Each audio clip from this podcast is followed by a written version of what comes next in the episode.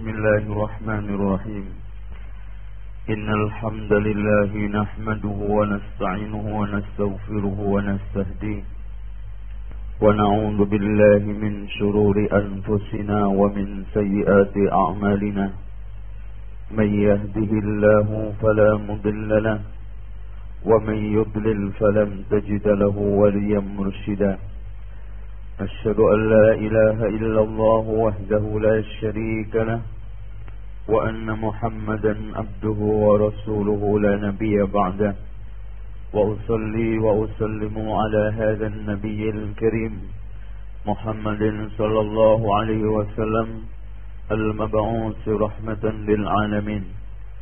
فإن خير الحديث كتاب الله وخير الهدي هدي محمد صلى الله عليه وسلم وشر الأمور محدثاتها وكل محدثة بدعة وكل بدعة ضلالة وكل ضلالة في النار. Ikhwas sekalian Kajian Alam Alam gaib Dan dunia Misteri. Dalam pandangan ahli sunnah.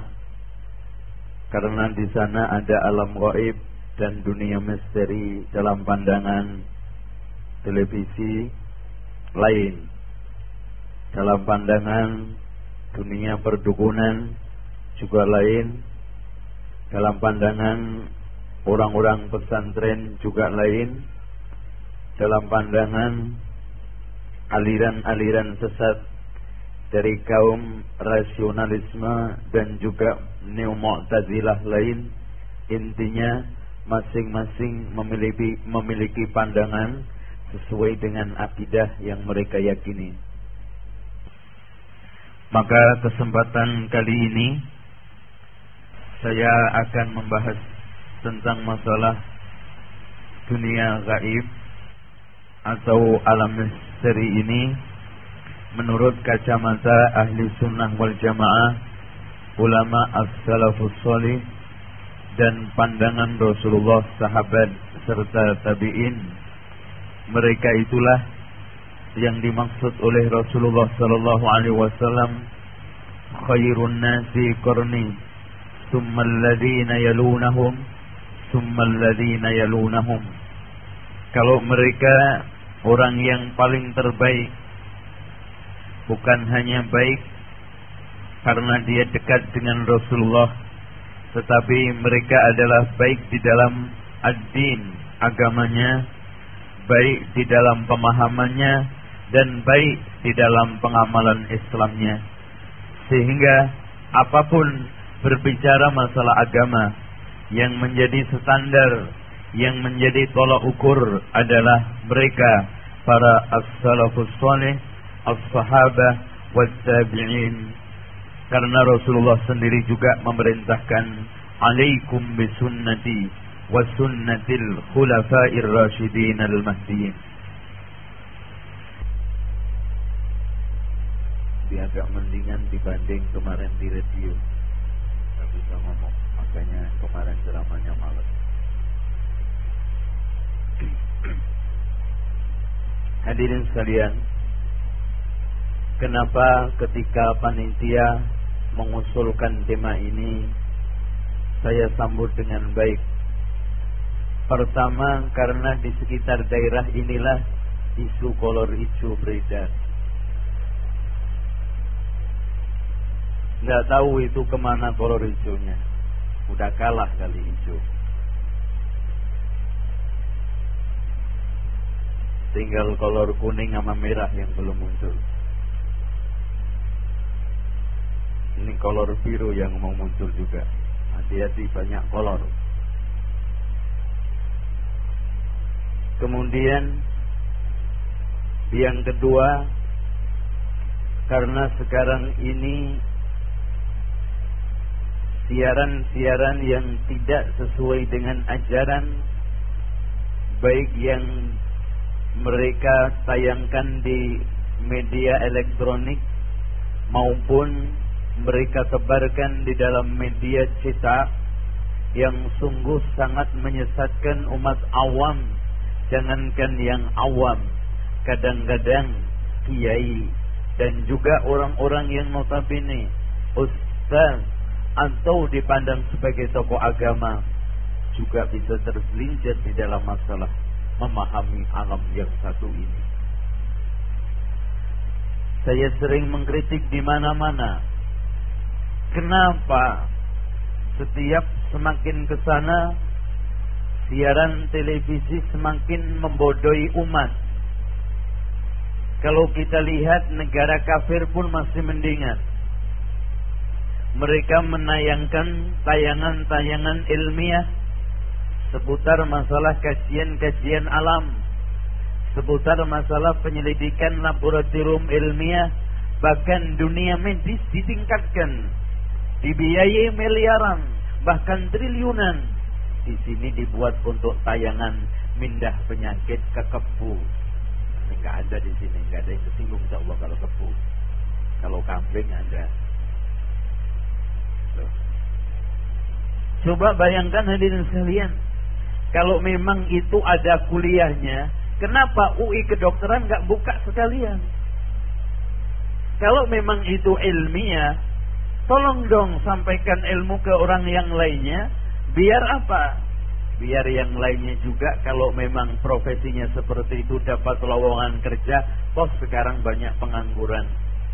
Kalau memang itu menyembuhkan dan kesembuhan itu secara syar'i dibenarkan, atau secara ilmiah bisa dibenarkan, kenapa orang lain tidak boleh mempelajarinya? Kemudian selanjutnya hadirin sekalian, sampai film-film, sinetron-sinetron, kadang-kadang mayoritas banyak dipenuhi hal-hal yang berbau mistik. Banyak yang berbau mistik. Makanya di sini kita harus luruskan. Kemudian saya sedikit juga mungkin dulu juga ketika saya di pesantren Jombang tambah berat ketika saya masih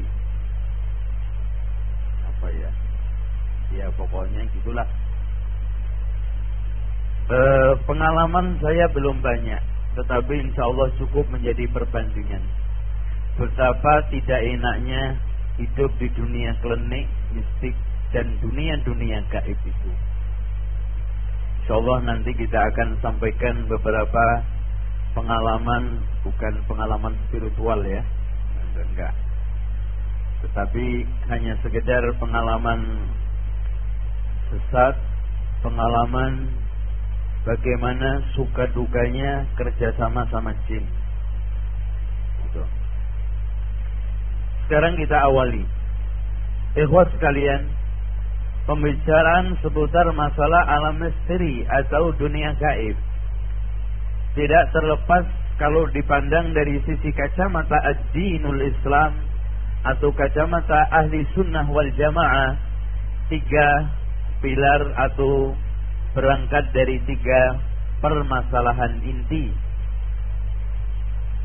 Yang pertama, motivasi dan dorongan iman terhadap gaib di mana itu adalah fondasi ad-dinul Islam.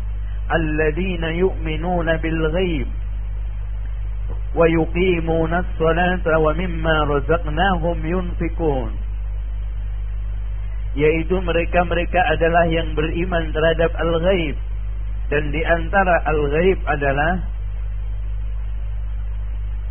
uh, yang dimaksud di sini al-ghaib adalah iman terhadap malaikat, iman terhadap cerita-cerita sebelum dan sesudahnya. Nanti akan ada dajjal dan termasuk iman terhadap gaib adalah kita harus beriman bahwa jin itu ada. Namun hadirin sekalian, sebelum kita lanjutkan karena sengajanya memang uh, sebut. Masya Allah. Subhanallah. Tolong tanda-tanda kena jin itu biasanya suka ngantuk. Ya. Ya, bawaannya itu ke mana-mana ngantuk. berdiri aja ngantuk. Tapi kadang-kadang ngantuk itu ada yang kawan bayi. Dari sononya. Ada ada yang kadang kepegelen. Makanya kalau mau ngaji tablik akbar Antum tidurnya jangan begadang ini nonton sepak bola ya. Ayo ketahuan loh. Itu sepak bola itu juga termasuk pemicu datangnya jin.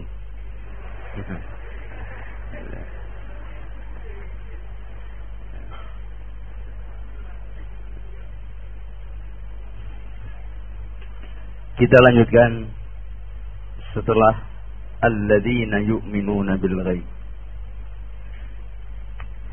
Bilal Arto uh, inti permasalahan yang kedua Kenapa kita membahas masalah alam gaib dan dunia misteri ini?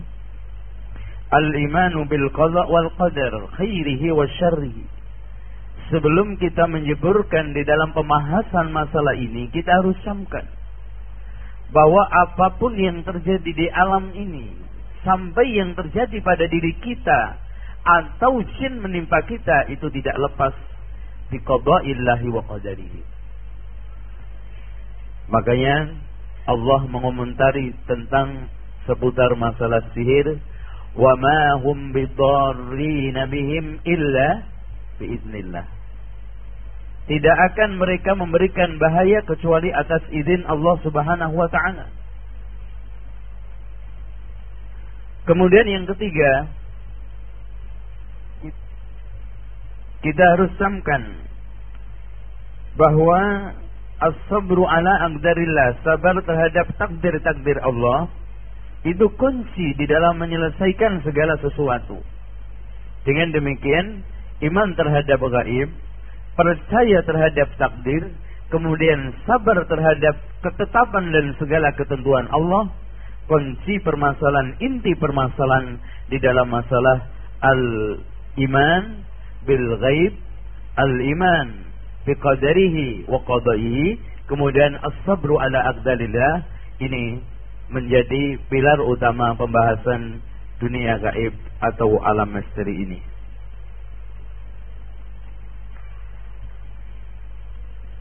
Jadi sudah nggak runut ini. Tadi dipisah tadi. Oke, sekarang langsung kita antum sudah sering mendengar membahas masalah alam jin ya? Sudah sering? Belum? Kalau sudah sering nggak usah dibahas. Kalau belum kita bahas.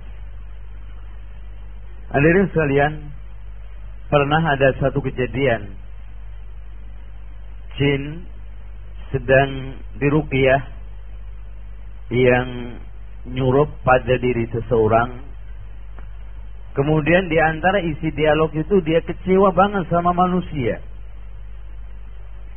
Kenapa saya digambarkan di dalam film, di dalam gambar-gambar itu selalu makhluk yang mengerikan? Katanya dia. Padahal saya itu biasa dan memang betul jin itu makhluk biasa. Cuman beda alamnya gitu aja. Tapi digambarin kadang-kadang kepalanya aneh-aneh, terus keluar apa?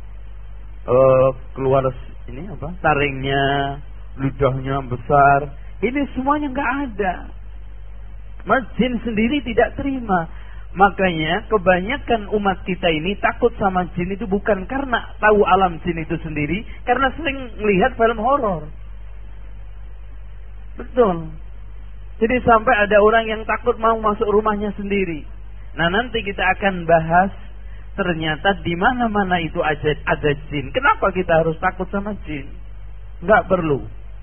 Ya. Sekarang kita akan bahas jin adalah alam bukan manusia, bukan malaikat, akan tetapi alam tersendiri. Ini tentang masalah jin. Dikomentari oleh Allah di dalam surat Al-A'raf ayat 27. Ya Bani Adam, Wahai anak Adam, La yaftinannakumus syaitanu. Janganlah kalian terfitnah atau janganlah kalian difitnah oleh syaitan. Kama akhraja abawaikum minal jannah seperti syaitan telah berhasil mengeluarkan kedua orang tuamu, maksudnya Adam sama Hawa minal jannati dari surga. Wa yanzi'u anhuma libasahuma dan setan itu berhasil menarik berhasil melepas pakaian kedua orang tua kamu liyuriyahuma sawatihima agar mereka agar dia bisa melihat maksudnya aurat ya karena setelah masuk di surga kemudian berhasil digoda oleh iblis maka Allah menarik pakaian sehingga Adam terlihatlah auratnya dan tidak keluar dari surga kecuali berhasil menutup kemaluan saja. Ini di dalam riwayat tafsir Al-Baghawi.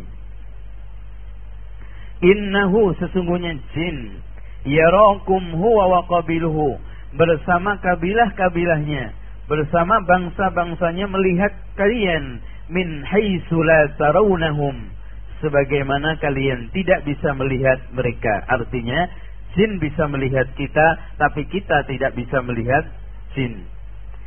Inna ja'alna syayatina awliya'a lilladina la yu'minun. Sesungguhnya kami menjadikan jin, maksudnya Allah, menjadikan setan awliya, penolong, pembantu, pendamping. Lilladina la yu'minun, orang-orang yang tidak beriman. Dari ayat ini bisa banyak kita ambil kesimpulan bahwa yang namanya setan itu tidak ada yang benar. Memfitnah kita, menjerumuskan kita ke dalam neraka dan mengeluarkan kita dari surga sebagaimana dulu dia berhasil mengeluarkan Adam dan Hawa dari surga.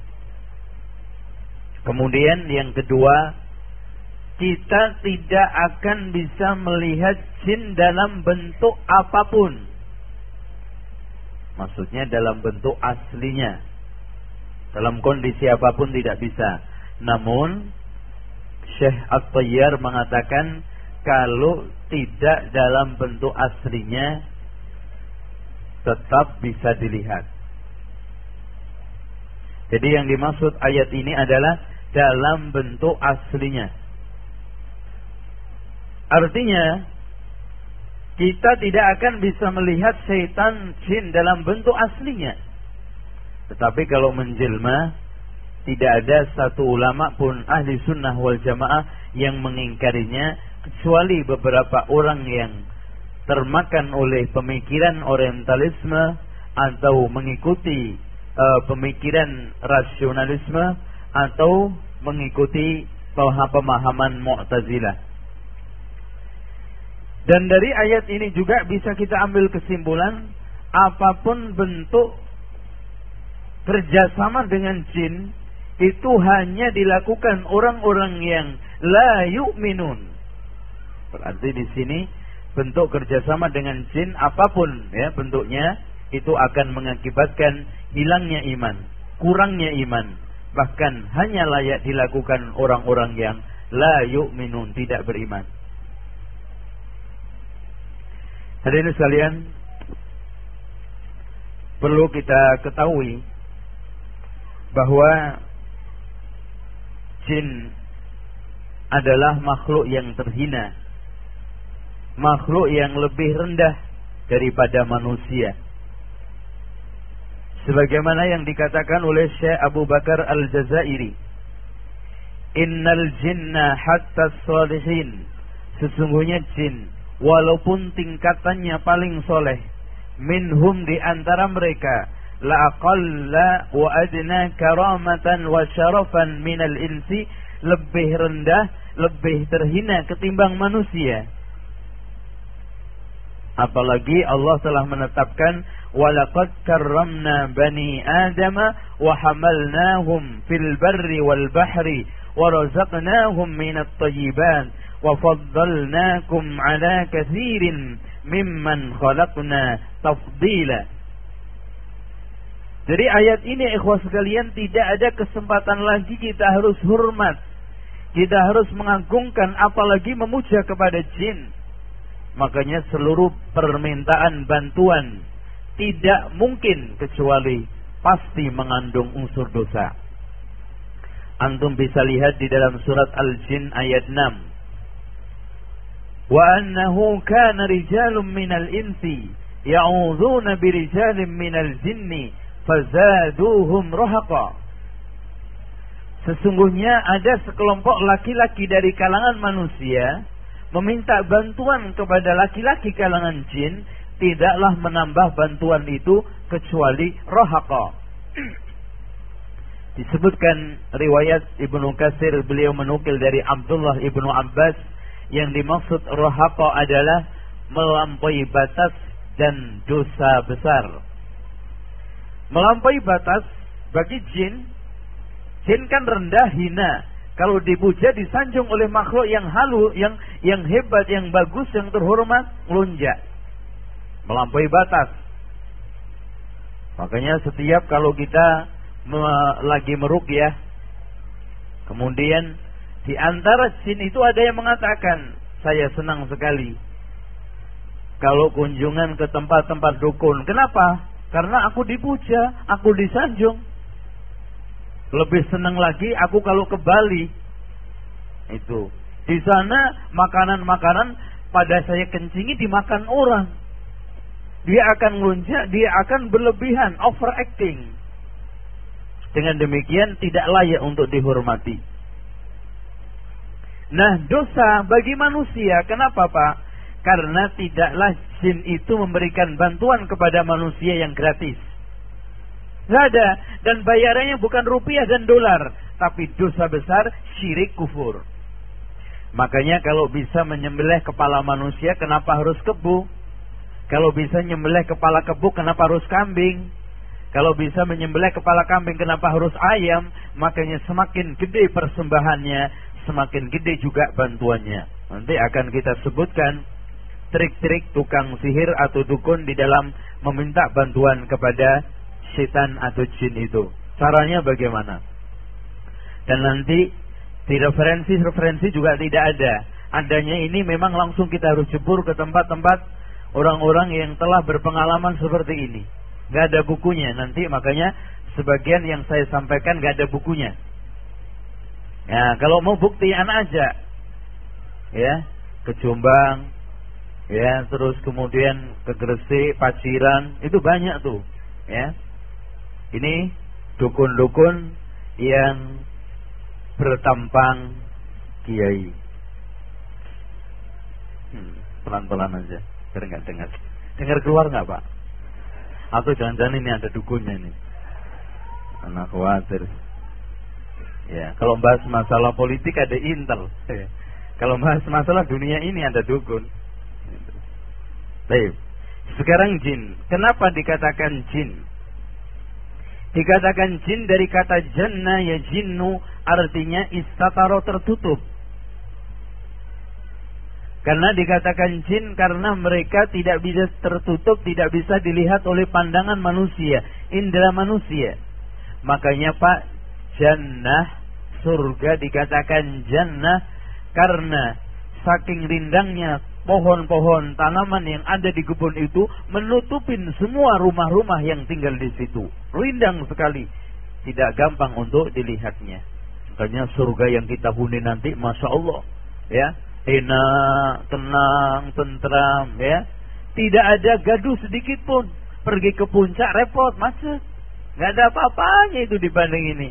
Kadang-kadang kita ke puncak kita bila mati-matian macet pergi ke ngaji nggak mau padahal nanti dapatnya surga yang indah coba bayangkan nggak pernah kenal lembur setiap hari alal araiki muttaqiun titipan-tipan selalu bertelekan.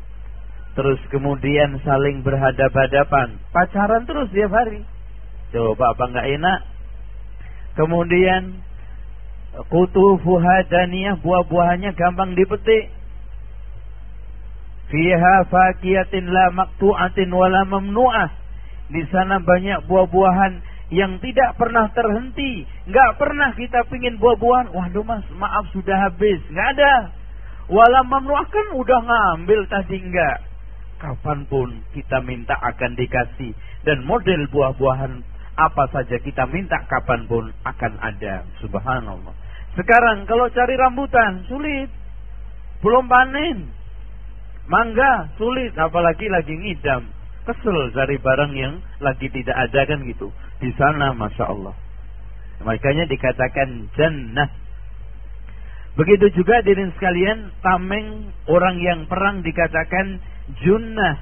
Asyamu junnatun karena tempat untuk bersembunyi pasukan supaya tidak diserang tumbak-tumbak pedang-pedang musuh. Makanya dikatakan junnah.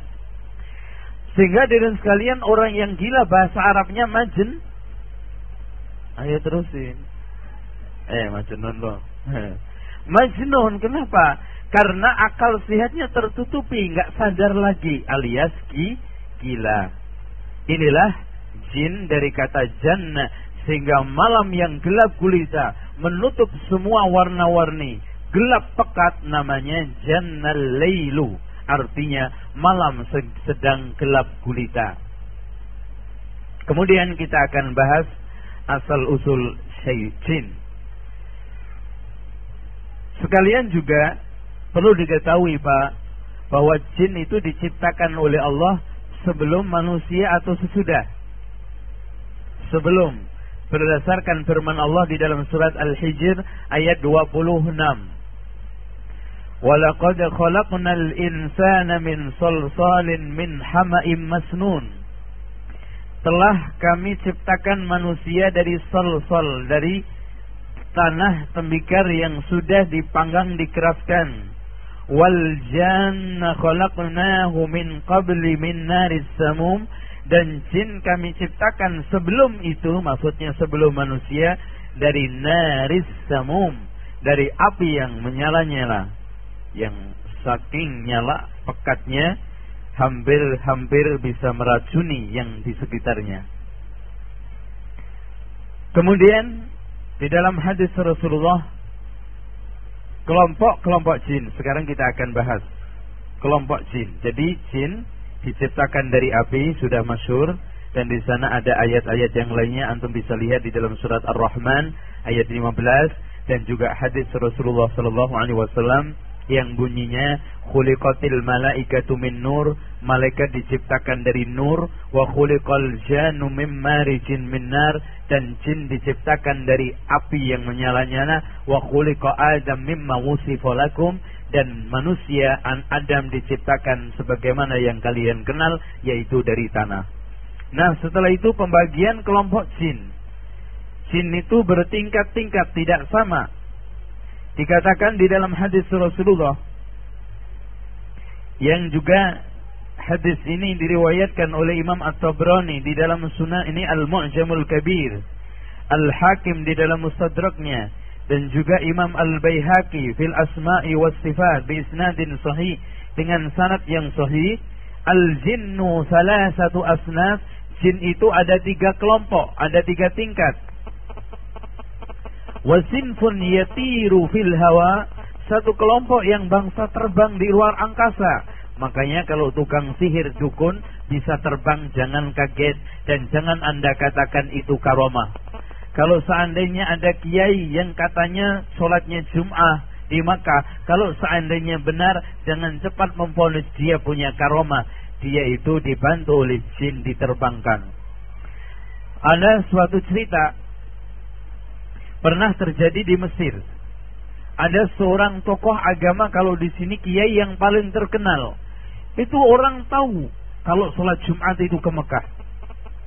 Terbang, betul. Ternyata hadirin sekalian, ilmu kewaliannya diwariskan kepada anaknya dan anaknya ngerti belajar ilmu agama.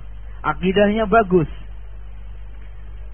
Setelah ilmu itu diwariskan dan diterima ternyata selama ini orang tuanya, bapaknya yang tokoh terkenal dianggap memiliki karomah, selalu kerjasama dengan jin.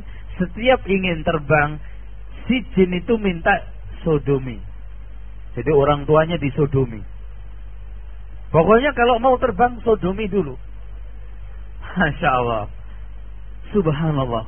Makanya hadirin sekalian tidak ada bantuan jin itu yang gratis. Coba kalau disodomi. Masya Allah itu. Terbang ya. Bahkan di antara mereka ada yang disuruh setiap bantuan melempar ayam hitam ke sumur. Nanti kita akan jelaskan itu semua. Itu. Pernah juga ada yang dianggap wali di daerah Jawa Timur itu hadirin sekalian ternyata dia itu selama ini mengklaim saya itu sholat Jumat ke Mekah. Ternyata ada seseorang yang sama-sama punya ilmu sama. Dia lihat disangkutin di pohon bambu, di atas bambu. Dihayalkan nama setan, amal jinnya kayak kayak sholat di Masjidil Haram. Tersusah. Masya Allah kasihan itu. Nangkring di pohon ini, eh, di pohon bambu, Ternyata hayalannya nyampe ke Mekah dibikin hayal. Dan bahkan sulapan-sulapan itu kan hayalan dari jin. Nah nanti datang kepada santrinya. Alhamdulillah. Saya sudah selesai sholat Jumat. Imamnya tadi siapa Pak Yai? Nggak tahu tadi cuman saya belakang. Kalau nanti ke depan banget khawatir nggak bisa pulang katanya. Ada aja. Itu. Padahal nggak paham, nggak tahu. Wong sekarang sholatnya aja nggak persis waktunya. Wong sekarang berangkatnya aja jam setengah dua belas. Di sana jam berapa mas? Eh? Masih jam setengah sepuluh. Pulang jam satu belum masuk Jumat di sana.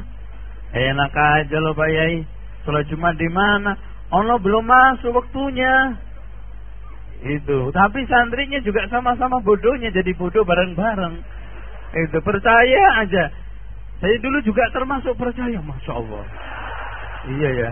Baru tahu setelah di sini tak hitung waktu perbedaan antara Saudi dengan uh, mana Indonesia itu 4 jam. Iya ya. Kiai saya yang dulu sholat Jumat ke Mekah itu gimana dulu? Enggak nyambung. Itu bodoh sampai jam aja nggak tahu itu saking bodohnya, masya Allah. Nah ini, ini bagus ini ya. Terima kasih. Iya, ya, masya Allah. Ini nggak ada, nggak boleh diputar-putar. Kalau di pesantren disisain sedikit, dua, Allah. Ini untuk tabarruk ini satunya.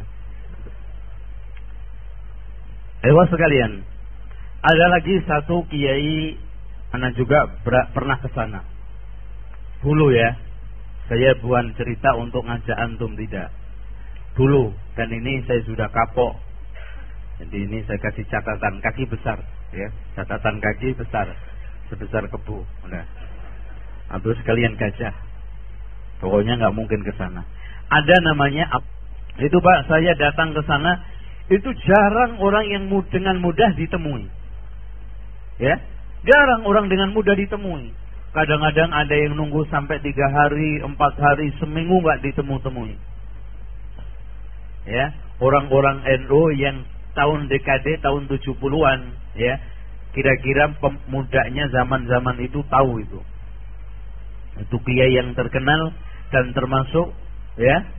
Itu kiai yang tukang bikin baju ontokusumo itu baju yang kayak semar tuh yang ada tulisannya untuk pengibawaan itu. Anak punya juga di rumah. Itu. Terus kemudian hadirin sekalian ada juga kiai yang bisa berubah jadi buaya. Buaya putih, nggak tanggung-tanggung. Sulit nyari buaya putih yang wajar aja sulit juga. Ini ada kiai jadi buaya putih. Kalau pas jadi buaya diburu orang gimana? Itu yang sekalian guru utama Torikoh Naksabandiyah dan Qadariyah di Surabaya. Itu juga diyakini memiliki kesaktian, memiliki karomah keajaiban seperti ini kalau sholat Jumat ke Mekah. Nah, saya datang ke sana ditemui. Dia pakai pakaian hitam-hitam. Mau sholat Jumat kurang setengah jam. Bawa apa namanya? Bawa celurit. Terus pakai pakaian mau ke sawah itu mau ke mana Pak Yai? Itu ya. Mau ke sawah katanya dong. Sholatnya di mana? Kata orang. Jangan tanya sholat.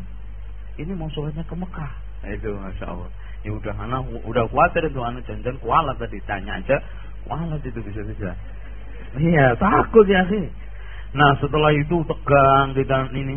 Nggak ada juga ini kiai. Itulah hadirin sekalian diterbangkan oleh jin ke sana sini. Dan memang tidak mudah tidak sembarangan orang mendapatkan bisa kerjasama dengan jin yang satu ini. Ya. Kalau yang kafir juga ada yang bisa terbang.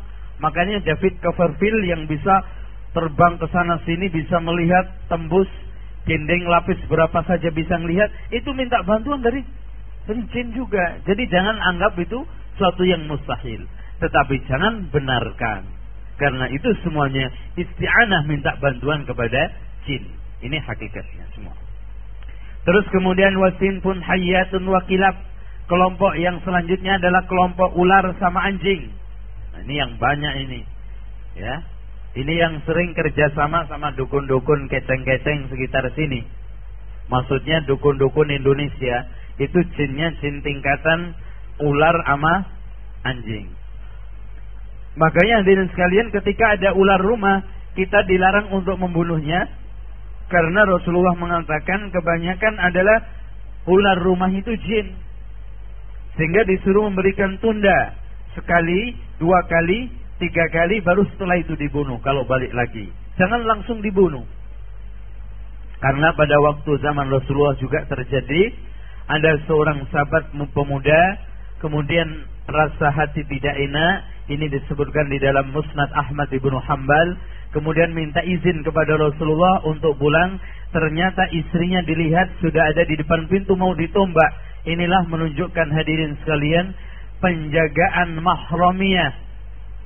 Istri sahabat-sahabat dulu. Sekarang kaum muslimin istrinya keleleran ke mana-mana dibiarin. Nggak bener itu. Keluar ke pintu. Mau ditombak tuh. Coba bayangkan. Sekarang perempuan-perempuan keluar sedikit ditombak. Minta talak. Iya. Malah senangnya yang jalan-jalan itu. Apalagi sekarang banyak mall. Mall itu tempatnya setan, hati-hati nanti. Di antara tempatnya itu, makanya jangan sering ke mall apalagi yang sudah mengindap penyakit sihir atau kesurupan, jangan sering-sering ke pasar sama nonton film, sama nonton TV. Kalau sekarang keluarga atau istrinya sakit, jual televisinya, beli buku, ganteng kan? Itu. Terus kemudian kadang-kadang ada yang ajaib mas. Pada saat kita sedang berak tahu-tahu di dalam kamar mandi yang tertutup rapi ada ular. Tidak tertutup kemungkinan ular-ular rumah itu kebanyakan adalah jin. Nah, setelah itu kamu sebelum menumbak saya lihat di dalam rumah, setelah dilihat ada ular melingkar besar di atas tempat tidurnya. Kemudian ditumbak mati, mau dibawa dibuang. Pada saat dibuang begini kesamber, ternyata masih hidup. Terbunuhlah si pemuda itu. Rasulullah mengatakan tidak tahu yang mati duluan yang mana. Dia adalah jin. Dengan demikian disuruh nunda tiga kali. Ya, kalau sekali kita bunuh kadang kita diganggu. Ya, karena mati dia, mati. Makanya dari hadis ini, dari riwayat yang ada di dalam Musnad Ahmad menunjukkan bahwa jin itu bisa mati, lain dengan iblis. Tuh. Yang selanjutnya adalah wasin pun yuhilluna wa iz'anun, kelompok yang merak, apa berkaki empat dan berkaki dua kayak kita. Jadi ada sebagian jin yang berkaki dua sama berkaki empat seperti ternak, ya, kambing, sapi, kebo dan yang lainnya seperti itu. Dan Syekhul Islam Ibnu Taimiyah mengatakan, wal jinnu yatasawwaruna fi suwaril ins setan bisa membentuk menjelma di dalam bentuk manusia wal bahaim hewan ternak di dalam bentuk-bentuk ular akorib kalajengking dan yang lainnya. Bahkan bisa membentuk dalam bentuk unta sapi kambing kuda keledai ya begol dan ada yang membentuk bentuk burung. Dan ada yang seperti kita persis. Sekarang kita percepat apakah jin itu juga kena beban syariat berdasarkan firman Allah wa ma khalaqtul jinna wal insa illa liya'budun maka jin terkena beban syariat dan juga antum bisa melihat di dalam surat Al-Ahqaf ayat 29 nanti antum buka-buka di rumah. Surat Al-Jin ayat 11 wa anna minnas salihun di antara kami jin ada yang soleh wa minna duna zalika dan sebagian kita ada yang tidak soleh kunna tara'iqa gidada masing-masing prinsip hidup kita itu beda-beda seperti kita ada yang fasik, ada yang kafir, ada yang musyrik, ada yang peminum, ada yang jahat, ada yang soleh, ada yang ahli ibadah. Sama seperti kita. Tapi itu tadi mas, sebaik-baik jin itu dibanding manusia tidak apa-apanya, tidak ada apa-apanya. Kemudian sekarang yang menjadi pertanyaan dan ini menjadi polemik sejak dulu, apakah jin dan manusia bisa menikah? Dijawab oleh Syekhul Islam Ibnu Taimiyah, "Wa qad yatanakahul insu wal jin." Boleh jadi antara jin dan manusia bisa menikah. Wa yulidu bainahuma wa yuladu waladun dan bisa dikaruniai anak. Bahkan pernah ada orang yang hamil gadis hamil besar perutnya. Ternyata setelah dirukyah itu keluar cairan. Wahada kasirun ma'rufun ini banyak. Terutama hadirin sekalian orang-orang yang melihara jin itu anaknya jarang yang beres. Kadang lahir bulunya banyak. Kenapa? Karena kadang-kadang datang kepada istrinya menjelma seperti suaminya. Banyak kasihan itu. Istri orang yang melihara jin. Ya. Duhur-duhur datang. Ternyata jin bukan istri. Ini bukan suaminya. Mengganggu. Kadang-kadang tidak jadi, kadang-kadang keguguran, kadang-kadang cacat. Bahkan dulu saya punya uh, kiai di Tamak Beras Jombang sana itu yang dikenal bapaknya, orang tuanya itu sampai jin itu ngasih ke dia, anaknya nggak ada yang beres, cacat semua. Ada aja gangguannya. Yang matanya begini, ada yang ya pincang, ya macam-macam. Dan memang tidak layak. Jin itu pak tunduk sama kita kalau kita lagi di atasnya.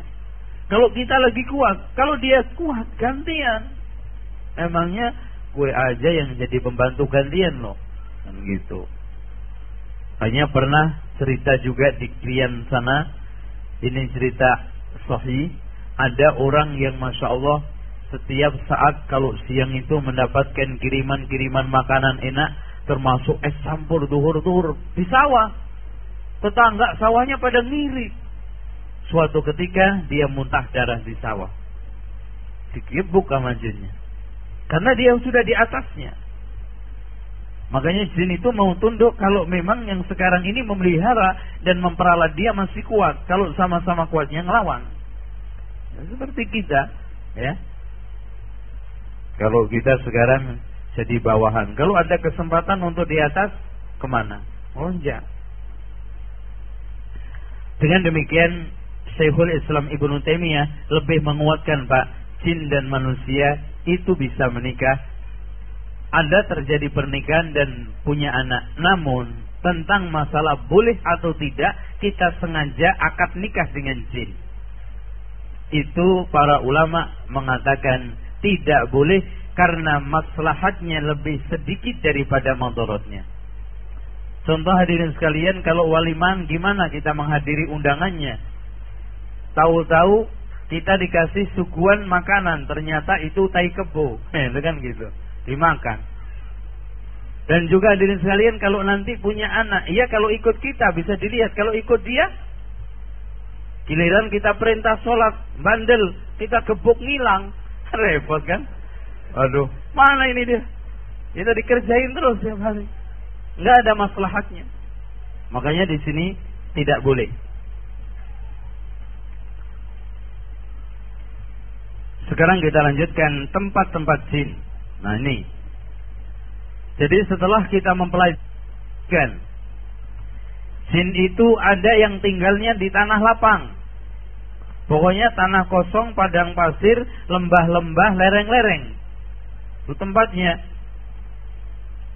Makanya di zaman Arab dahulu Jahiliyah sebelum datangnya Islam, mereka melakukan persembahan-persembahan atau sajen-sajen ke lembah-lembah ke gunung-gunung.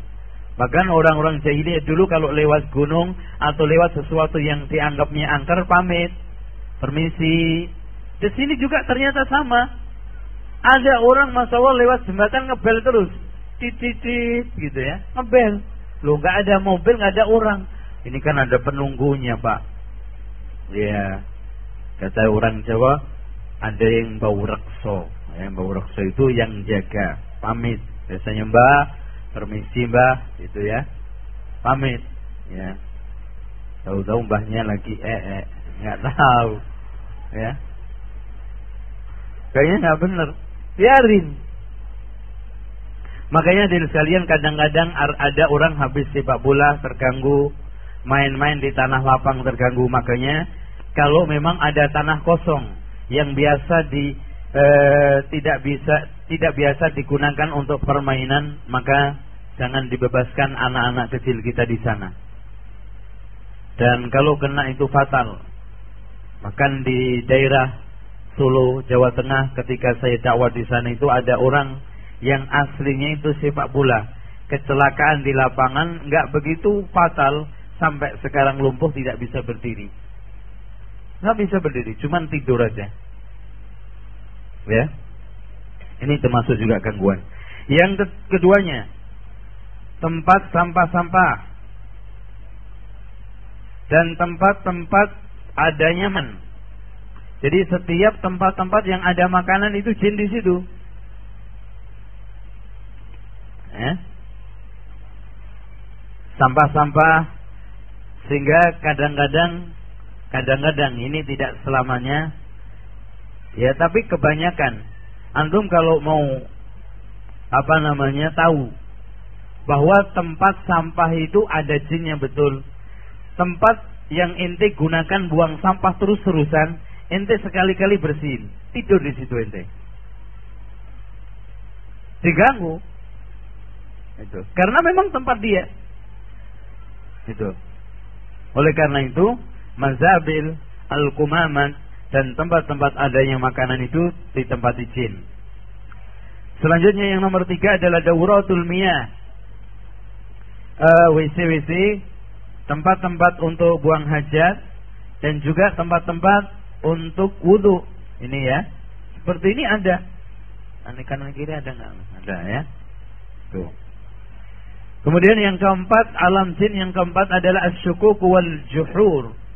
Yaitu tanah-tanah yang uh, retak, lubang-lubang, itu tempatnya jin. Kecuali lubang WC itu ya. Itu itu jelas dibikin, jadi jangan takut. Kalau berak di situ emangnya untuk kita kalau seandainya jin nyasar di situ salahnya.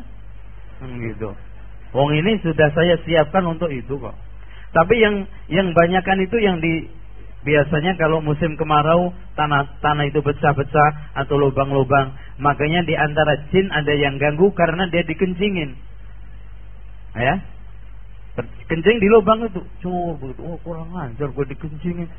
Awas lo gue cekik nanti. Ya akhirnya dikerjain kalau nggak anaknya ininya. Setelah ya kenapa kamu ganggu?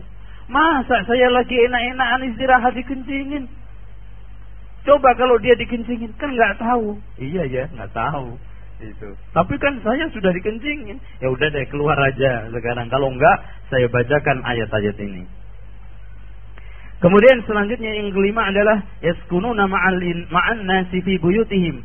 Tinggal bersama manusia di rumah-rumah yang disebut dengan jin awamir atau amirah. Jin amirah yaitu tinggal bersama manusia. Jadi dia itu kalau nggak ada manusia pergi, Itu nanti ada sekalian uh, selalu tempatnya di atap, kemudian nanti kalau lagi makan-makan turun gitu terus. Dan dia kalau orangnya pergi ikut pergi. Dengan demikian hadirin sekalian tidak perlu kita takut sama jin. Di sana ada jin yang tidak mau tinggal kecuali bersama kita. Bahkan di kanan, di kiri kita ini ada korin, di kanannya ada malaikat. Malaikat korin itu tidak lain adalah jin. Kenapa kita harus takut jin? Cuman jangan ditantang-tantang gitu aja ya. Awas lo, ayo. Kalau ini jangan. Ya. Karena jin itu seperti anak kecil yang suka usil itu, Pak. Beling, kalau ente tantang kerjain repot, malah biarin aja. Kita ta'awud supaya berlindung dari gangguan gitu aja. Kemudian selanjutnya disebutkan dalam hadis Rasulullah, maaf dalilnya tidak saya sampaikan semuanya karena saya ingin percepat. Sebetulnya Pak, harusnya dipilah. Pembahasan ini ada empat pilar sebetulnya. Pilar pertama alam jin, setan iblis itu sendiri, kemudian kesurupan sendiri, sihir sendiri, penyakit ain sendiri dan dunia perdukunan sendiri. Dukun, macam-macam dukun, kerjanya dukun. Ini kita harus bahas. Cuman untuk waktu yang singkat ini maka e, mungkin barangkali nanti kita akan sampaikan secara global saja. Selanjutnya, tempat kandang, tempat tidurnya unta. Makanya Rasulullah mengatakan sallu fi marabitil ghanam. Salatlah kalian di tempat ini di tempat-tempat kandangnya kambing. Wala tusallu fi a'tanil ibil. Jangan sekali-kali kalian salat di tempat kandang unta. Kenapa alasannya di situlah tempatnya syaitan. Kemudian yang ketujuh al-amakin al-mahsyurah tempat-tempat yang ditinggalkan oleh tuannya. Artinya tempat-tempat yang sudah tidak dihuni, rumah-rumah kosong, pos-pos kamling yang tidak dihuni lagi, itu ditempati oleh jin. Kemudian yang kedelapan adalah al-maqabir, kuburan. Makanya di sana ada jin kuburan khusus yang sering dipermainkan oleh orang-orang yang main sinetron di kuburan itu. Itu ya. Bahkan dikatakan oleh Syekhul Islam Ibnu Taimiyah, kebajangan jin tinggal di tempat-tempat tanah lapang, di kuburan, dan di tempat-tempat najis, dan juga tempat-tempat buang sampah. Ini dikatakan oleh Syekhul Islam Ibnu Taimiyah. Nomor sembilan di pasar. Dikatakan oleh Rasulullah Sallallahu Alaihi Wasallam hadis ini diriwayatkan oleh Imam ini Salman Al Farisi dikeluarkan oleh Imam Al-Haythami di dalam Majma'uz Zawais. La takunanna in istata'ta awwala man tadkhulus suqa jika di antara kalian mampu jangan orang yang pertama kali masuk pasar wala akhiru man yakhruju minha. Orang yang paling akhir keluar dari pasar fa innaha ma'rakatus syaitan karena di situlah tempat pertempuran syaitan wa fiha yansibu rayatahu dan di situlah tempat orang bertempur dan e, menancapkan benderanya. Ikhwas sekalian, makanya kalau kita lihat di pasar-pasar itu sering terjadi hipnotis, sering terjadi gangguan-gangguan karena di situlah pertempuran setan itu. Makanya nggak ada orang yang dihipnotis di masjid itu, jarang. Ya, pasar. Makanya orang itu dianjurkan Rasulullah jangan sekali-kali kalau bisa orang yang pertama kali masuk pasar terakhir keluar dari pasar. Kadang ada orang hobi jalan-jalannya di pasar jelek itu. Jangan sampai pergi ke pasar kalau nggak butuh. Dan usahakan ketika masuk pasar membaca doa. Doanya gimana? Oh, pada nggak bisa lagi. Ibu-ibu, doa masuk pasar gimana, Mbak? La ilah La ilaha illallah wahdahu la syarikalah lahul mulku wal hamdu wa huwa ala kulli syai'in qadir. Kebanyakan ibu-ibu nggak tahu. Padahal sering pasar, sehari bisa dua kali. Makanya banyak yang pulang kesetanan. Itu ya. Istri ini suaminya yang kasihan. Terus sekarang waktu kerja setan. Kalau kita kerjanya pagi. Sekarang dengarkan hadis Rasulullah. La tursilu fawashikum. Janganlah kalian melepas binatang ternak kalian. Wasibyanakum dan juga anak-anak kalian. Idza ghabatis syamsu. Ketika matahari terbenam. Hatta tadhhaba fahmatul asa. Sampai betul-betul malam itu berjalan beberapa saat.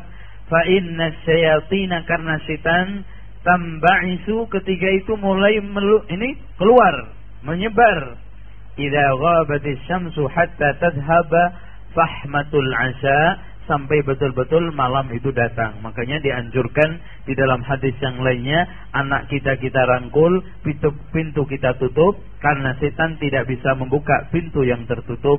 Kemudian juga wadah-wadah harus kita tutup, kalau memang kosong kita harus telungkupkan dan kita membaca bismillah. Kalau memang kita tidak menemukan, pokoknya harus kita letakkan sesuatu yang menghalangi begini. Ya. Dan matikanlah lampu-lampu karena setan kadang-kadang masuk ke tikus apalagi lampu-lampu yang terbuat dari itu minyak itu biasanya masuk ke tikus kemudian dia ke sana sini merusak sehingga terbakar dengan lampu itu rumah kita maka anjuran Rasulullah untuk mematikan lampu di situ sekarang uh, eh, yang dari pengurus coba coba lihat. Tolong dilihat di sini cara menangkal gangguan jin dan setan supaya saya tidak usah mengulangi. Ini cara-cara untuk menanggulangi eh, gangguan jin sama setan.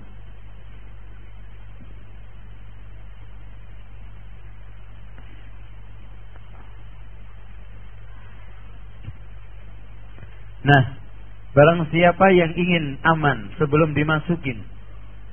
Karena orang itu kalau sudah dimasukin biasanya jin sudah tahu pintu masuk ke dia. Maka orang yang telah kesurupan atau sudah kena sihir itu harus lebih ekstra hati-hati. Sebelum kena antum perhatikan poin-poin yang telah tertulis di dalam makalah atau selebaran yang ada di depan antum semuanya. Terutama ikhwas sekalian ta'awud-ta'awud. Ta'awud sebelum masuk ke rumah baru. A'udhu bi kalimatillahi tammati min syarri ma khalaq. Entah antum mau kemah atau ke puncak kemudian tinggal di suatu villa, intinya mau tinggal di rumah baru, jangan lupa membaca doa A'udhu bi kalimatillahi tammati min syarri ma khalaq.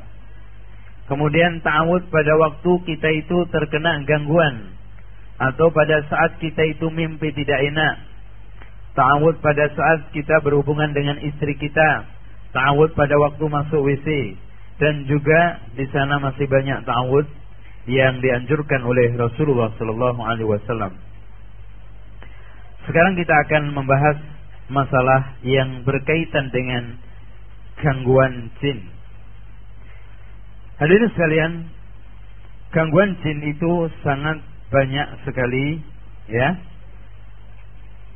ada yang masun kulli kesurupan keseluruhan. Artinya dia tidak sadar secara keseluruhan. Ada yang masun juz'i kesurupan hanya separuh. Umpamanya tangannya sakit-sakitan. Enggak stroke juga. Atau badannya suka sakit-sakitan. Ini namanya kesurupan juz'i. Makanya barang siapa yang menemukan rasa sakit ada di dalam tubuhnya dianjurkan membaca bismillah bismillah bismillah a'udzu billahi wa qudratihi min syarri ma ajidu wa uhadir. Kemudian ada masun daimun, ada yang kesurupan terus-menerus. Jadi dia dibikin seperti orang gila, ngomong dengan dunia lain. Ini juga masya Allah ngeri, ya. E, kemarin juga ada yang datang ke rumah ini sihir. Ternyata setelah dialog dia itu sudah masuk 11 tahun yang lalu dan baru ketahuan satu tahun ini. Dan rata-rata Pak jin yang dikirimkan oleh tukang sihir itu dia tidak bisa keluar. Makanya kita ketika kita minta keluar-keluar gimana caranya? Mau nggak dibantu? Mau, karena memang dia itu kalau kembali dibunuh atau memang dia tidak tahu caranya keluar dikirim karena si tukang sihir ini sudah ada kerjasama api rapi dengan tokoh kabilah jin itu huwa wa qabiluhu karena jin itu uh, seperti uh, apa namanya manusia yang berkabilah-kabilah ini bangsa ini bangsa ini sehingga dukun itu rata-rata kalau mau menyembuhkan orang biasanya ditanya namanya siapa Terus kemudian ibunya siapa, bapaknya siapa. Ini tujuannya untuk mencari mengecek daftar dia itu masuk ke kabilah mana ini gangguan. Itu dikasih. Ini dicari nanti di dalam komputer. Hashtag begitu. Ternyata jin juga canggih itu. Oh ternyata si Fulan ini masuk ke daftar gangguan kabilah ini. Berarti kalau mau minta bantuan supaya keluar, jangan datang ke saya. Sono. Saya nggak kenal ini orang namanya ini Dilihat KTP-nya juga nggak ada, ya. Makanya dicek kabilah sana. Ternyata ada. Maka kalau dia ingin keluar harus memberikan persembahan-persembahan kepada si ketua kabilah itu. Suruh keluar, ya. Kalau enggak, ya nggak bisa. Ada juga masun taifun artinya orang itu dibikin kaget-kaget atau dibikin kadang-kadang uh, ini kadang-kadang kumat, kadang-kadang tidak. Selanjutnya hadirin sekalian uh, kita akan membahas tanda-tanda orang kesurupan. Secara umum tanda-tanda kesurupan orang itu kalau dengar azan atau dengar bacaan Al-Qur'an gemetar, kepala pusing. Itu kalau dengar azan. Tapi azannya bukan azan yang itu malah seneng jinnya. Azan yang benar-benar ya. Ada kadang-kadang azannya masya Allah meliuk-liuk sampai nggak nggak bisa didengar. Itu malah tidur jinnya. Allahu Akbar, Allahu Akbar. Azan yang sunnah. Itu dia gemetar. Jangankan dia yang paling tinggi ifrit aja. Kalau dengar azan itu lari sampai keluar kentutnya brut begitu. Saking takutnya sambil nangis. Nanti tapi kalau selesai azan balik lagi. Untuk. Banyak di sini mendingan setan jin. Kalau dengar azan masih takut setan manusia ini yang kebangetan dengar azan malah ngambil gitar repot nah dibacakan kalau dibacakan Al-Quran terutama ayat-ayat yang terkait dengan jin sihir itu biasanya diawali dengan kepalanya pusing. Terus gak mau mendengarkan. Kayaknya ada gangguan pendengarannya itu. Ada yang mengatakan jangan dengar. Jangan dengar. ya. Kayaknya orang-orang yang benci dengerin Quran itu ada jinnya semua tuh. Itu. Nah jin itu bentuknya di dalam hati dia menciptakan was-was atau memang jin sengaja mengganggu menyakiti. Kemudian kita deteksi yang selanjutnya pada saat dia bangun. Biasanya dalam kondisi wajar, waras, sehat, bangun seperti ini, satu al-arak wal qalak dia itu selalu dibikin stres, galau, ini gelisah. Itu cirinya pertama. Jadi galau, gelisah dan suka dibikin ketakutan tetapi takut apa? Enggak jelas. Kemudian yang kedua biasanya senang menyendiri, ya, senang uzlah. Senangnya menyendiri, uzlah, tidak mau nyampur sama orang lain. Ya. Kemudian yang ketiganya as-suda uddaim. E, dia itu selalu menderita kepala sakit terus-terusan. Ya, sakit terus-terusan, dipijat, diobatin, tidak pernah sembuh. Kemudian yang keempatnya yang paling banyak ini juga adalah al-khumul wal kasal. Dia dibikin itu malas ya. Terus eh, penampilannya itu tidak pernah rapi ya, hos ya. Malas mandi. Katanya orang kalau sudah malas mandi hati-hati. Itu awal kena jin. Ya. Penampilannya itu biasanya dan sekalian tidak pernah rapi Terus kemudian kalau kita lihat kamar kamar tidurnya itu juga nggak karu-karuan, hidupnya nggak teratur, kemudian dibikin malasnya setengah mati mau kerja malas apa-apa malas. Terlebih diawali dengan malas mandi. Asar wa tasannus. Kemudian kadang-kadang dia kesurupan, kejang-kejang, seperti orang ayanan, tapi dia tidak biasa ayanan. Maka kadang-kadang ayanan itu kadang e, penyakit jasmani, kadang-kadang penyakit rohani yang hasil gangguan dari jin itu. Terus kemudian tidak mau menjaga kebersihan yang saya katakan tadi. Bahkan hadirin sekalian, kadang-kadang tanda-tanda ini tidak ada sama sekali. Maka kita cek ketika kita ingin menyembuhkan orang yang kena kesurupan, kita cek tidurnya. Nah, tanda-tanda tidur selalu melihat makhluk-makhluk aneh. Lihat orang tanpa kepala. Atau kadang-kadang makhluk ya, melihat orang-orang yang aneh, mukanya jelek atau melihat orang-orang yang sudah meninggal dunia. Kemudian yang kedua, ru'yah mimpinya itu sering membuat ketakutan terhadap mimpi. Mau tidur takut terhadap mimpi. Kemudian sering ketawa berlebihan. Kalau lagi diem, diem sekali. Tapi kalau ketawa, wah, kak nggak ada habis-habisnya. Ini juga termasuk tanda-tanda orang kesurupan. Terutama hadirin sekalian kadang-kadang tertawa pada waktu tidur. Ada. Kalau ada orang yang tertawa pada waktu tidur, senyum-senyum pada waktu tidur, dibangunin. Saya kira bangun enggak. Nah ini ada tanda-tanda itu. itu. Ada orang yang tidur itu bisa ketawa, Ih, gitu kan gitu. Tahu-tahu senyum gitu. Bukan gila enggak. Enggak stres juga penyakit itu. Kemudian pada saat kita melihat itu semuanya, biasanya tanda-tanda yang kita lihat orangnya pemarah, ketakutan yang pemarah yang sangat, ketakutan yang sangat, gembira yang sangat, lalai yang sangat, dan juga senang mengikuti syahwat dan suka menyakiti orang lain, ganggu itu orang-orang yang tanda-tanda kena gangguan kesurupan. Tentang masalah kesurupan, Mbak, dalil-dalil kesurupan cukup banyak sekali di zaman Rasulullah. Pernah ada seorang perempuan yang datang ya yang minta didoakan oleh Rasulullah sallallahu alaihi wasallam agar disembuhkan dan juga pernah Rasulullah SAW menyembuhkan orang yang kemasukan jin kemudian dipukul oleh Rasulullah sambil dikatakan bahwa keluarlah wahai musuh Allah, saya adalah utusan Allah, maka jin itu keluar.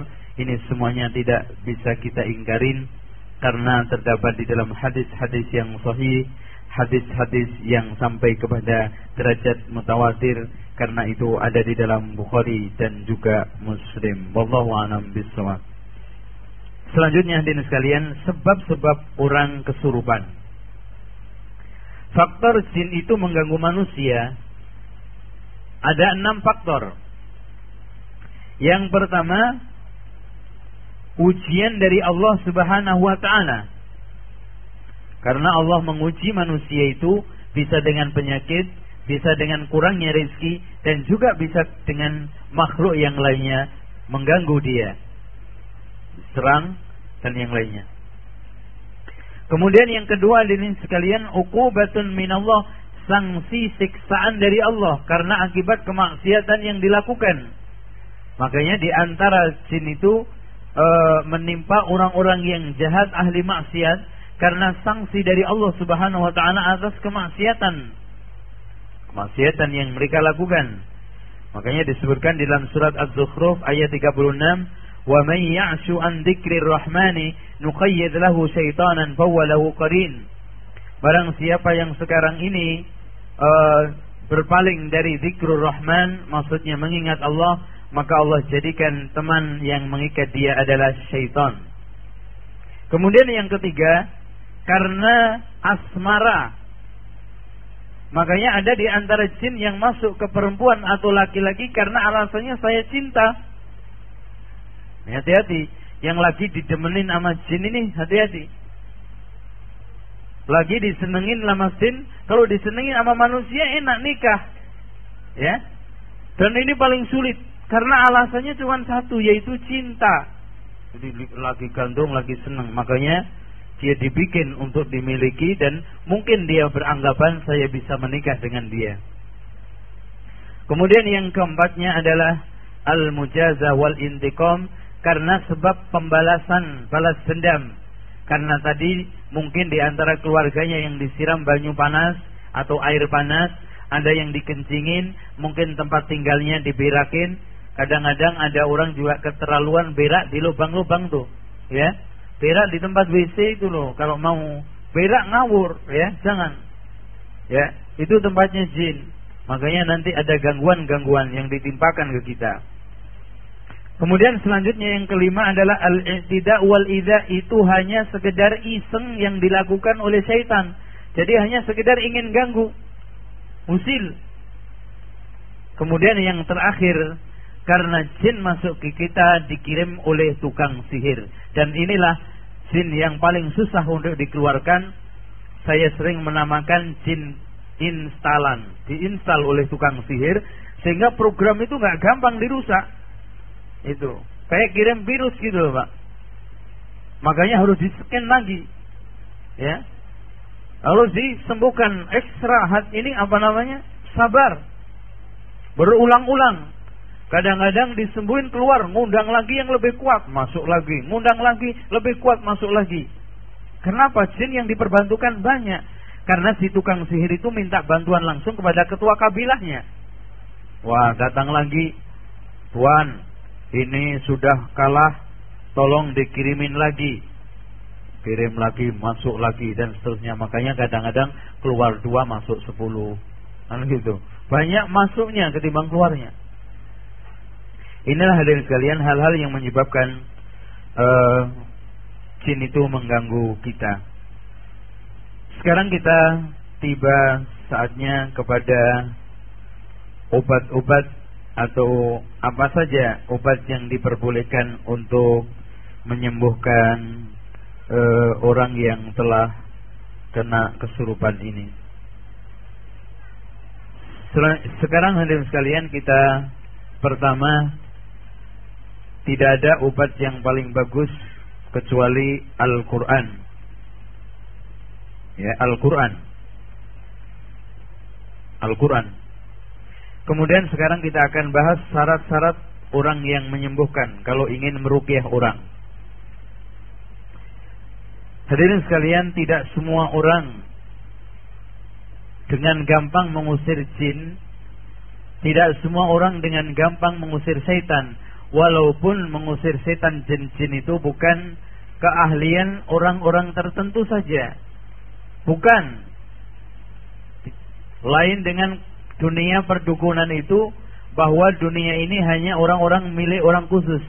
Bahkan hadirin sekalian, semua kita ini bisa menyembuhkan, mengeluarkan jin dari tubuh manusia, menyembuhkan kesurupan, menyembuhkan sihir. Bahkan pengobatan yang terbaik adalah diri kita sendiri. Cuman masalahnya ada di antara orang yang lengkap persyaratannya, ada orang yang kurang persyaratannya, bahkan di antara orang ada yang tidak ada sama sekali persyaratan untuk bisa menyembuhkan sehingga doa-doa yang dibaca itu tumpul tidak mustajab. Maka sering saya mengumpamakan Pak, Quran itu seperti pisau tajam.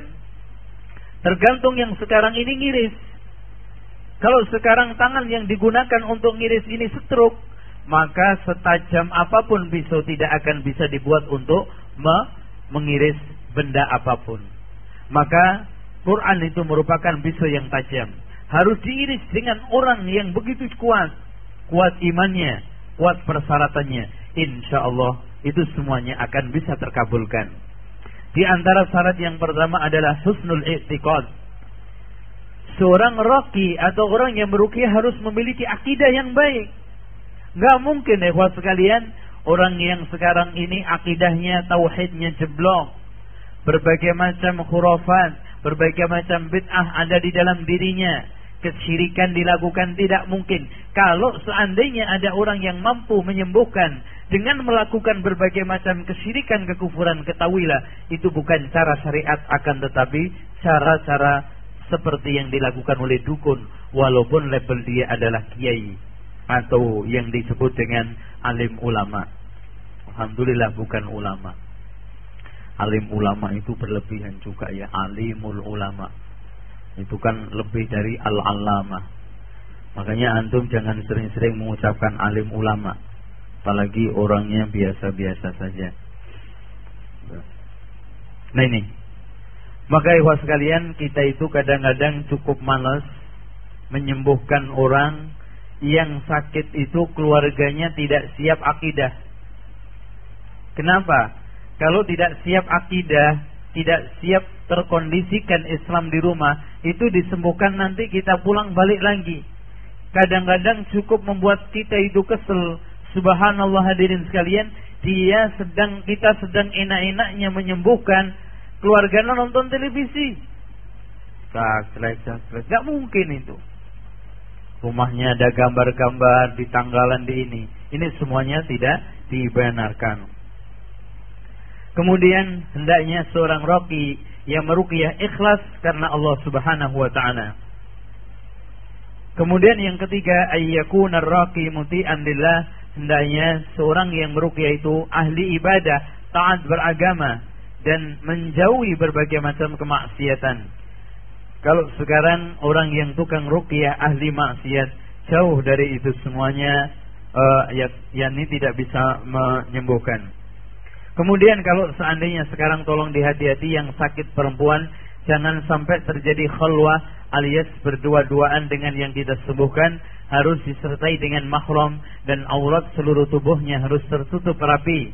Usahakan apalagi orang yang sedang kesurupan itu biasanya gerak-gerak jangan sampai terbuka auratnya. Maka Syekh At-Tayyar menyarankan barang siapa yang belum nikah jangan sekali-kali merukyah Kenapa? Kalau belum nikah itu sulit mengendalikan dirinya dan masih rentan berbagai macam gangguan. Gitu ya. Kemudian yang selanjutnya nomor lima hendaknya seorang yang berukyah terus menjaga bersuci baik dari hadas besar maupun kecil. Jangan sampai merukyah dalam keadaan kentut atau berhadas karena itu lebih dikabulkan oleh Allah Subhanahu wa taala. Sebelum sebelum dia meruqyah hendaknya seorang roki mendiagnosa dulu, mendeteksi dulu sebab asal usul sakit orang ini. Jangan-jangan dia kesurup bukan kesurupan tapi stres.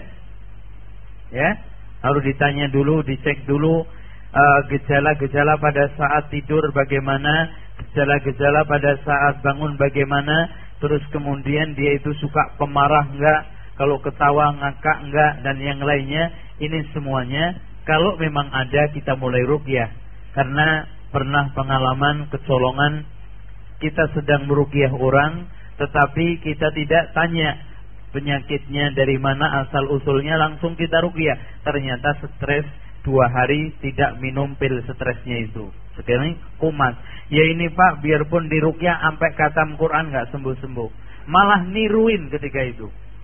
Niruin. Saya baca ayat kursi dia baca juga. Ini ya jadi ada yang ketawa Ustaz dia bisa baca Quran juga Ustaz. Jinnya aneh ini Ustaz. Itu. Terus saja dibaca. Kok semakin cengar cengir.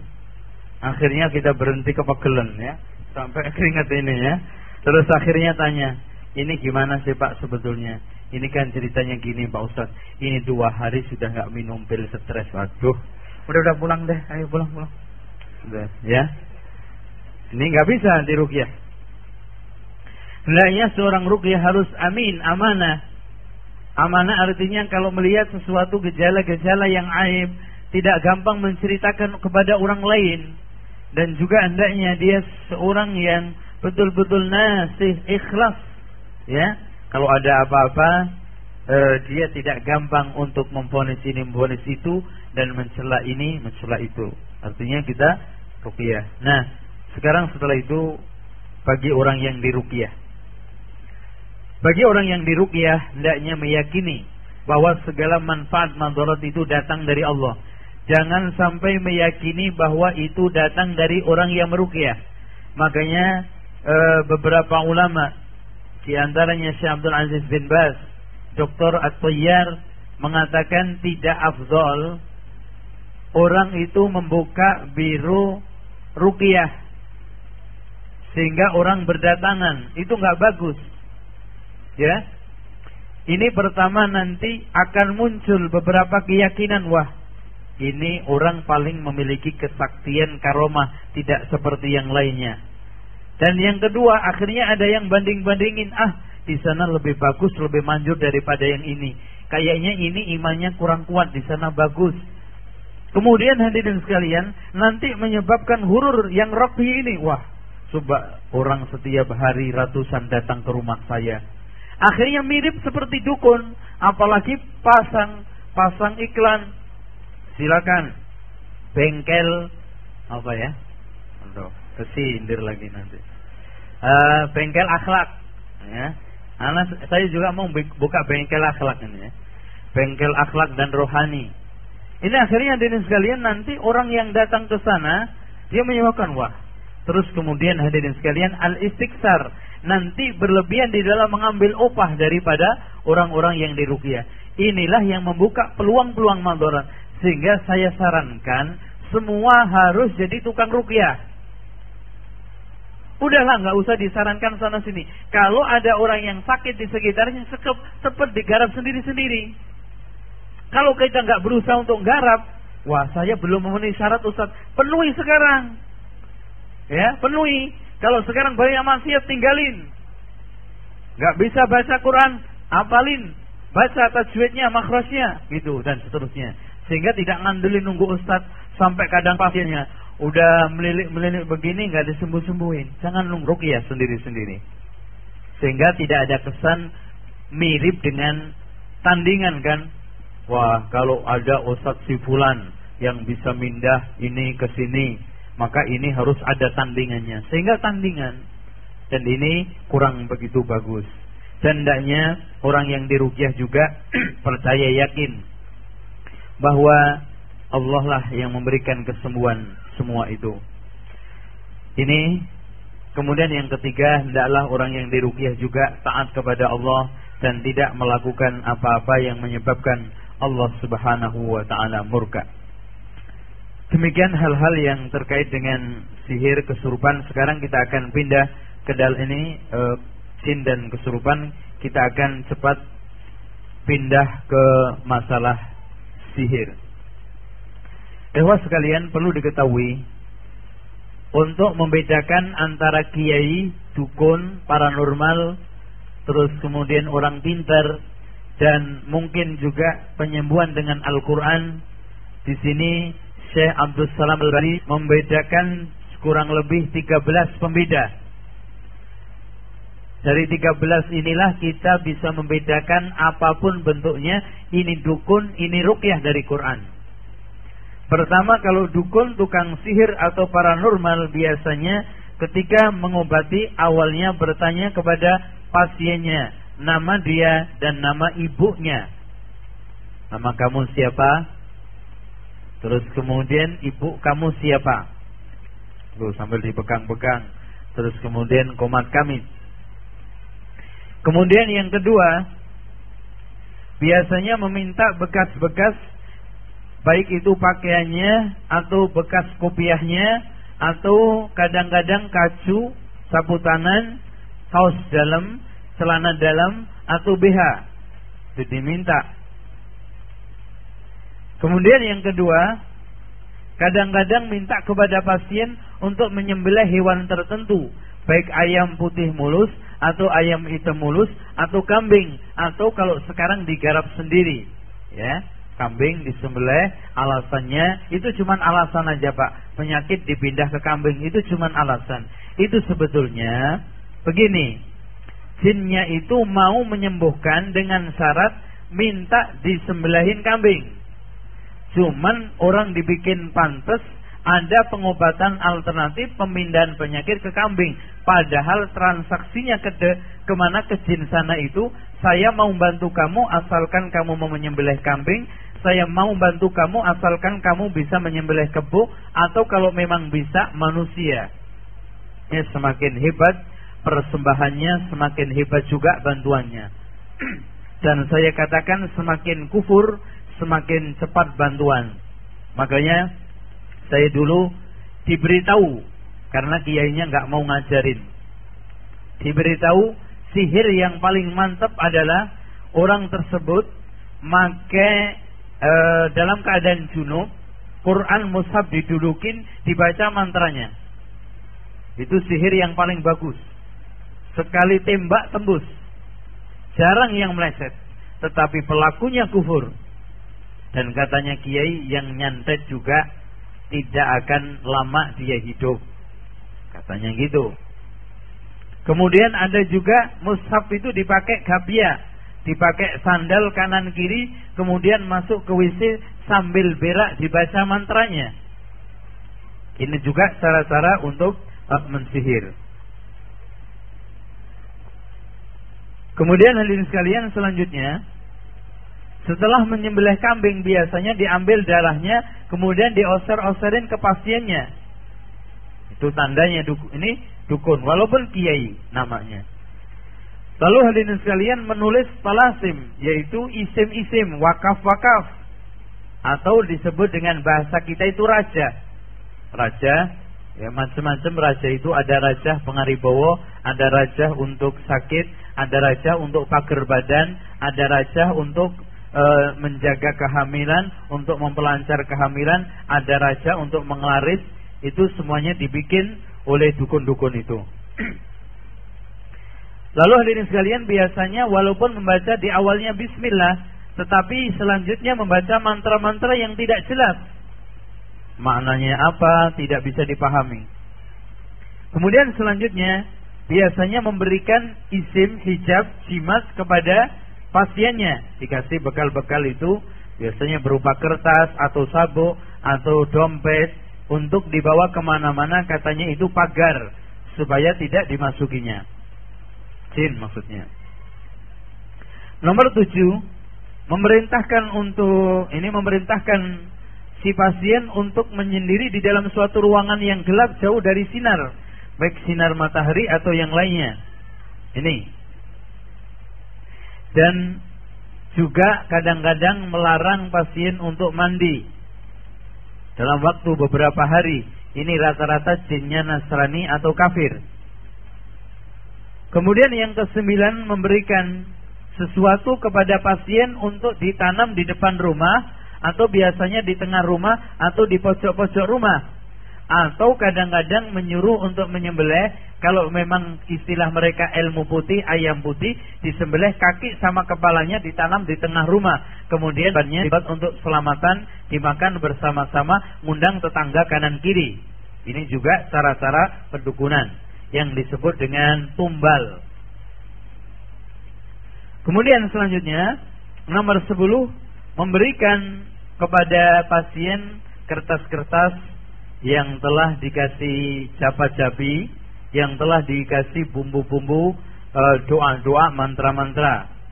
Biasanya dipanggang di suatu kemenyan, dipanggang di uh, apa kayu Arab yang wangi itu atau di tempat-tempat yang lainnya. Selanjutnya hadirin sekalian, kadang-kadang si dukun itu kumat kamit membaca sesuatu yang ghairu mafhum kalam yang tidak bisa atau ucapan yang tidak bisa dipahami. Dan bahkan hadirin sekalian, si dukun tukang sihir itu mampu menghargai menebak sebelum diberitahu kamu dari daerah ini ya. Keluarga kamu sini, bahkan Pak di antara dukun itu ada yang sanggup mengabarkan rumah kamu menghadap ke utara. Terbuat dari tembok. Bisa. Ya, terbuat dari bambu dan yang lainnya. Dan selanjutnya hadirin sekalian, eh, yang ke-12 biasanya dia dibekali dengan raja-raja yang ditulis di badannya, di punggungnya, di tangannya, atau di tempat-tempat yang dianggap sakit, kemudian dibacakan beberapa mantra-mantra yang kita tidak bisa memahaminya. Bapak sekalian, demikianlah mungkin nanti hal-hal yang e, terkait dengan penjelasan tambahan kita akan tambahi di dalam e, proses tanya jawab nanti insyaallah e, langsung saja. Tolong diperhatikan